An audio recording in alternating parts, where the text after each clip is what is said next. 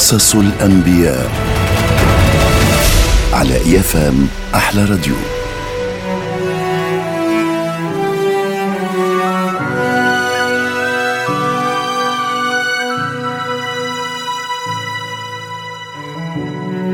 قصة اليوم على سيدنا إبراهيم عليه السلام.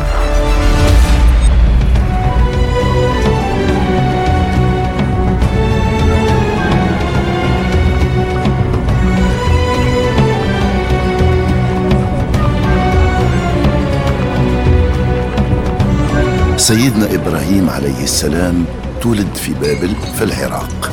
من بوه اللي اسمه آزر وأمه اللي اسمها أميلة. وهما أحفاد سام ولد سيدنا نوح عليه السلام. وسيدنا إبراهيم كما تعرفوا هو نبي من أنبياء الله الصالحين. وربي يبارك له في الذرية بتاعه اللي كانت صالحة. وعلى هذاك أطلقوا عليه علماء الدين أبو الأنبياء. والشيء هذا ذكر ربي في كتابه العزيز في سورة الأنعام. ووهبنا له إسحاق ويعقوب كلا هدينا ونوحا هدينا من قبل ومن ذريته داود وسليمان وأيوب ويوسف وموسى وهارون وكذلك نجزي المحسنين وزكريا ويحيى وعيسى وإلياس كل من الصالحين وإسماعيل واليسع ويونس ولوطا وكلا فضلنا على العالمين. صدق الله العظيم.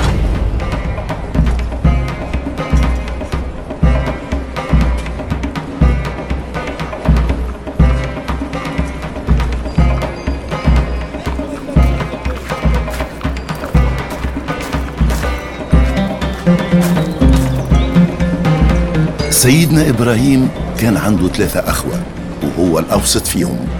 الكبير اسمه نحور وإبراهيم هو بعده وهاران هو الثالث اللي جاب من بعد سيدنا لوط. معناها سيدنا إبراهيم هو عم سيدنا لوط اللي إن شاء الله نحكيو عليه في حلقات قادمة.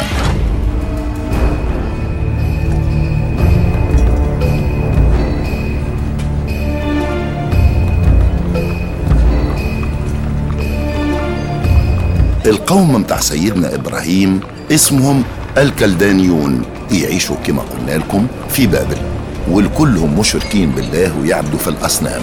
وسيدنا إبراهيم اللي كبر شوية وبدأ يميز ما بين الخير والشر كان في قرارة نفسه رافض عبادة الأصنام. وإحساس هالرفض اللي عنده مخلوق فيه بالفطرة قبل ما يبعث ربي نبي يدعو الناس للتوحيد.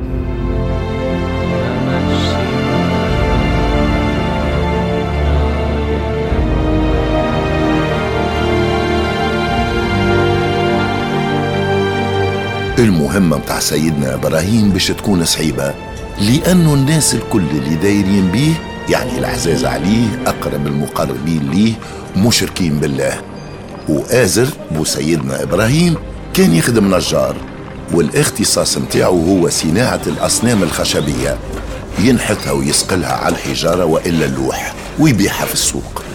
معناها سيدنا إبراهيم كبر في قوم وفي عائلة كافرة ومشركة بالله. والمدخول متاعها وقوتها جاي من صناعة ونحت الأصنام.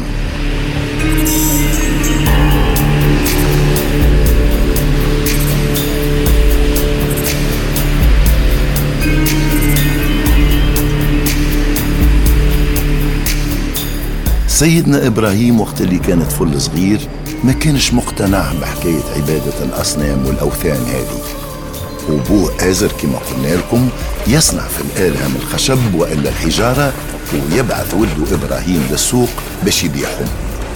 إبراهيم وهو صغير يبدأ محمل الكركدس متاع الآلهة ما بين يديه ويدور بها في السوق ويدلل عليها. كيما بياعة الخضرة ولا الغلة اللي دلوا في السوق. هو زاد كيف كيف كان يعمل لها في الإشهار. لكن الإشهار متاعه من نوع خاص. كيفاش كان هالإشهار متاعه حسب رأيكم بكل بساطة بتطيح قيمتها. كان يعيط في السوق ويقول اشتروا ما يضر ولا ينفع. اشري واللي يضر ما ينفعوش. اشري واللي يضر ما ينفعوش. كان يقول في الشيء هذاك بالفطرة حتى واحد ما وصاه.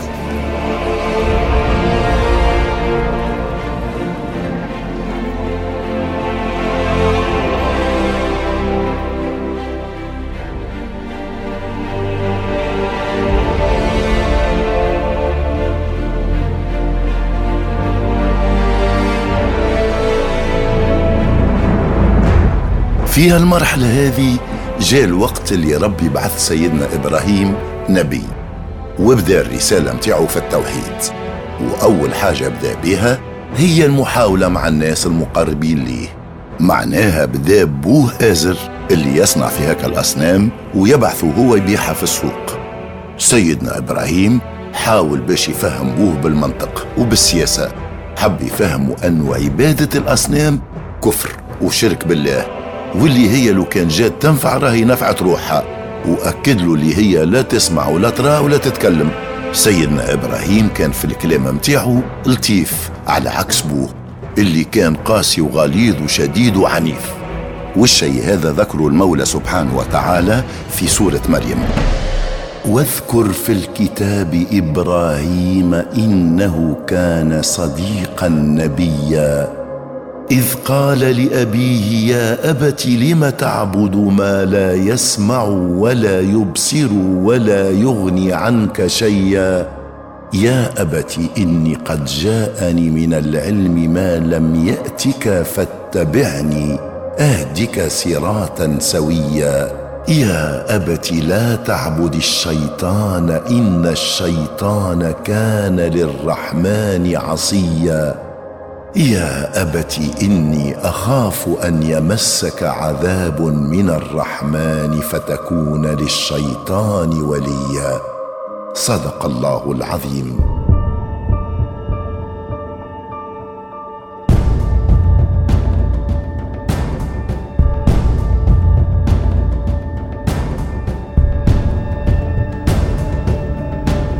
كما كنتوا تسمعوا السياسة واللطافة والرفق ظاهرين في اللي قالوا سيدنا إبراهيم البوه آزر حب يقنعوا بالمنطق أنه هكا الأصنام اللي يعبدوا فيها الناس لا تراهم ولا تسمع الدعوات متاعهم ما هيش باش تفيدهم بالكل.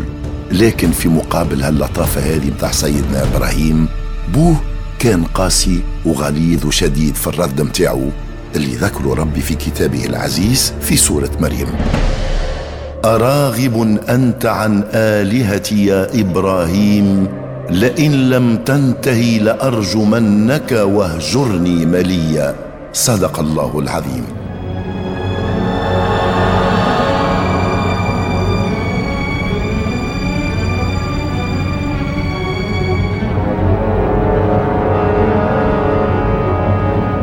وكيما فهمتوا آزر بو سيدنا إبراهيم لا يزي رفض النصيحة متاع ولده اللي بعثه ربي لا يزي هدوا أنه في صورة إذا ما رجعش على كلامه يضربوا ويرجموا ويقطعوا ويتبرى منه.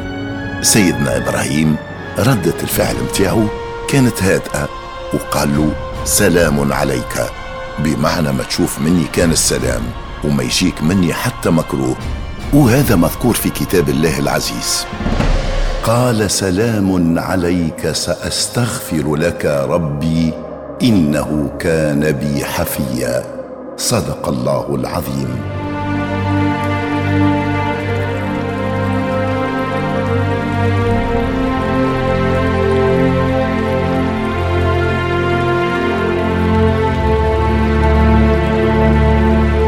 سيدنا إبراهيم رغم الاعتراض متاع ابوه والقساوة متاعه معاه ما أيسش وكان مستبشر ومتفائل انه بوه باش يجيه نهار ويفهم ويتهدى ويعرف أنه الله حق والأصنام باطل. وهذاك علاش قال له تو نستغفر لك ربي. لكن وقت اللي أيس وتيقن أنه بوه كافر وباش يعيش كافر ويموت كافر وأنه عدو لله سيدنا إبراهيم تبرأ منه. تبرأ من بوه.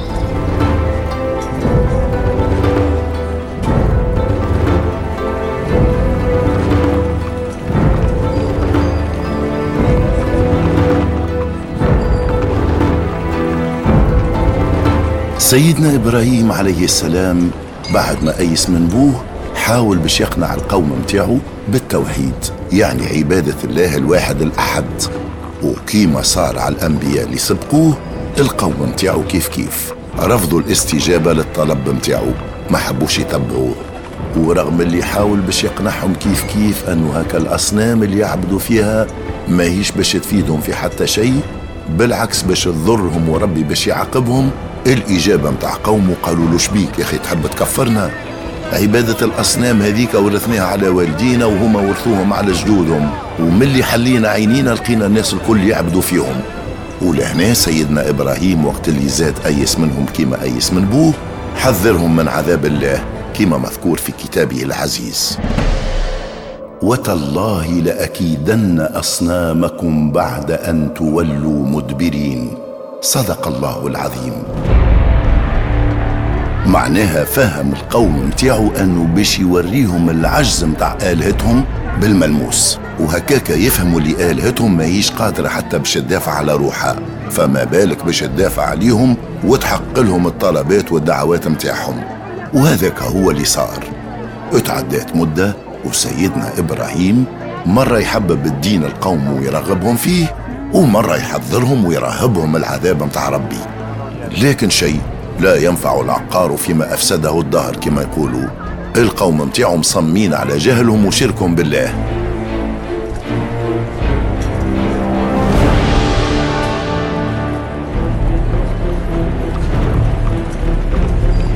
ولهنا في نهار من النهارات اللي جاء فيه عيد من الأعياد متاع قوم سيدنا إبراهيم واللي هو عيد سنوي والعيد هذاك يتمثل في أنه القوم متاعو بكلهم يخرجوا من المدينة ويحتفلوا.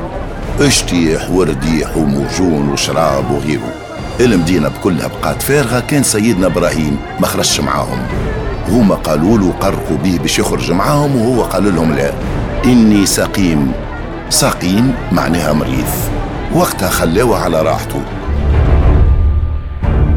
وفي الحقيقة سيدنا إبراهيم عليه السلام ما كانش مريض مرض عضوي نهارتها بالذات كان ناوي ومخطط باش ينفذ الوعيد متاعو.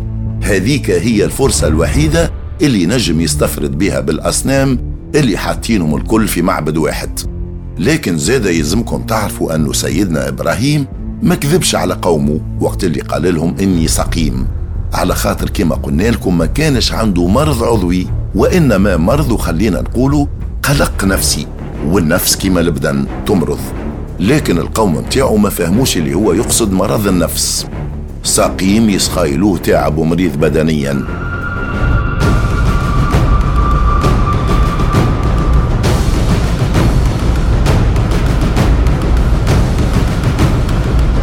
كيما قلنا لكم الناس الكل خرجت والمدينة بقات فارغة. الكلهم خرجوا للبراري وحاشا اللي يتصنت ردوها بارات. اشتيح ورديح وبنت العنب إلى آخره.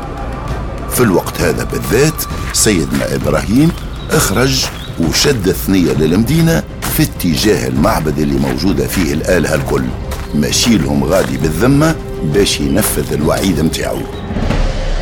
وتالله لأكيدن أصنامكم بعد أن تولوا مدبرين. صدق الله العظيم.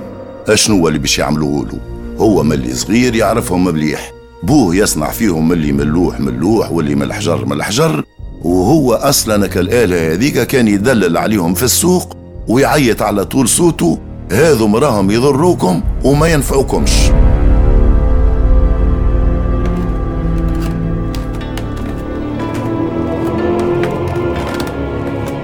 سيدنا إبراهيم وصل للمعبد نتاع الآلهة اللي يعبدوا فيها القوم نتاعو. وتوا نقول لكم إلى اللقاء وبقية قصة سيدنا إبراهيم تسمعوها غدوة في نفس التوقيت على إي أحلى راديو.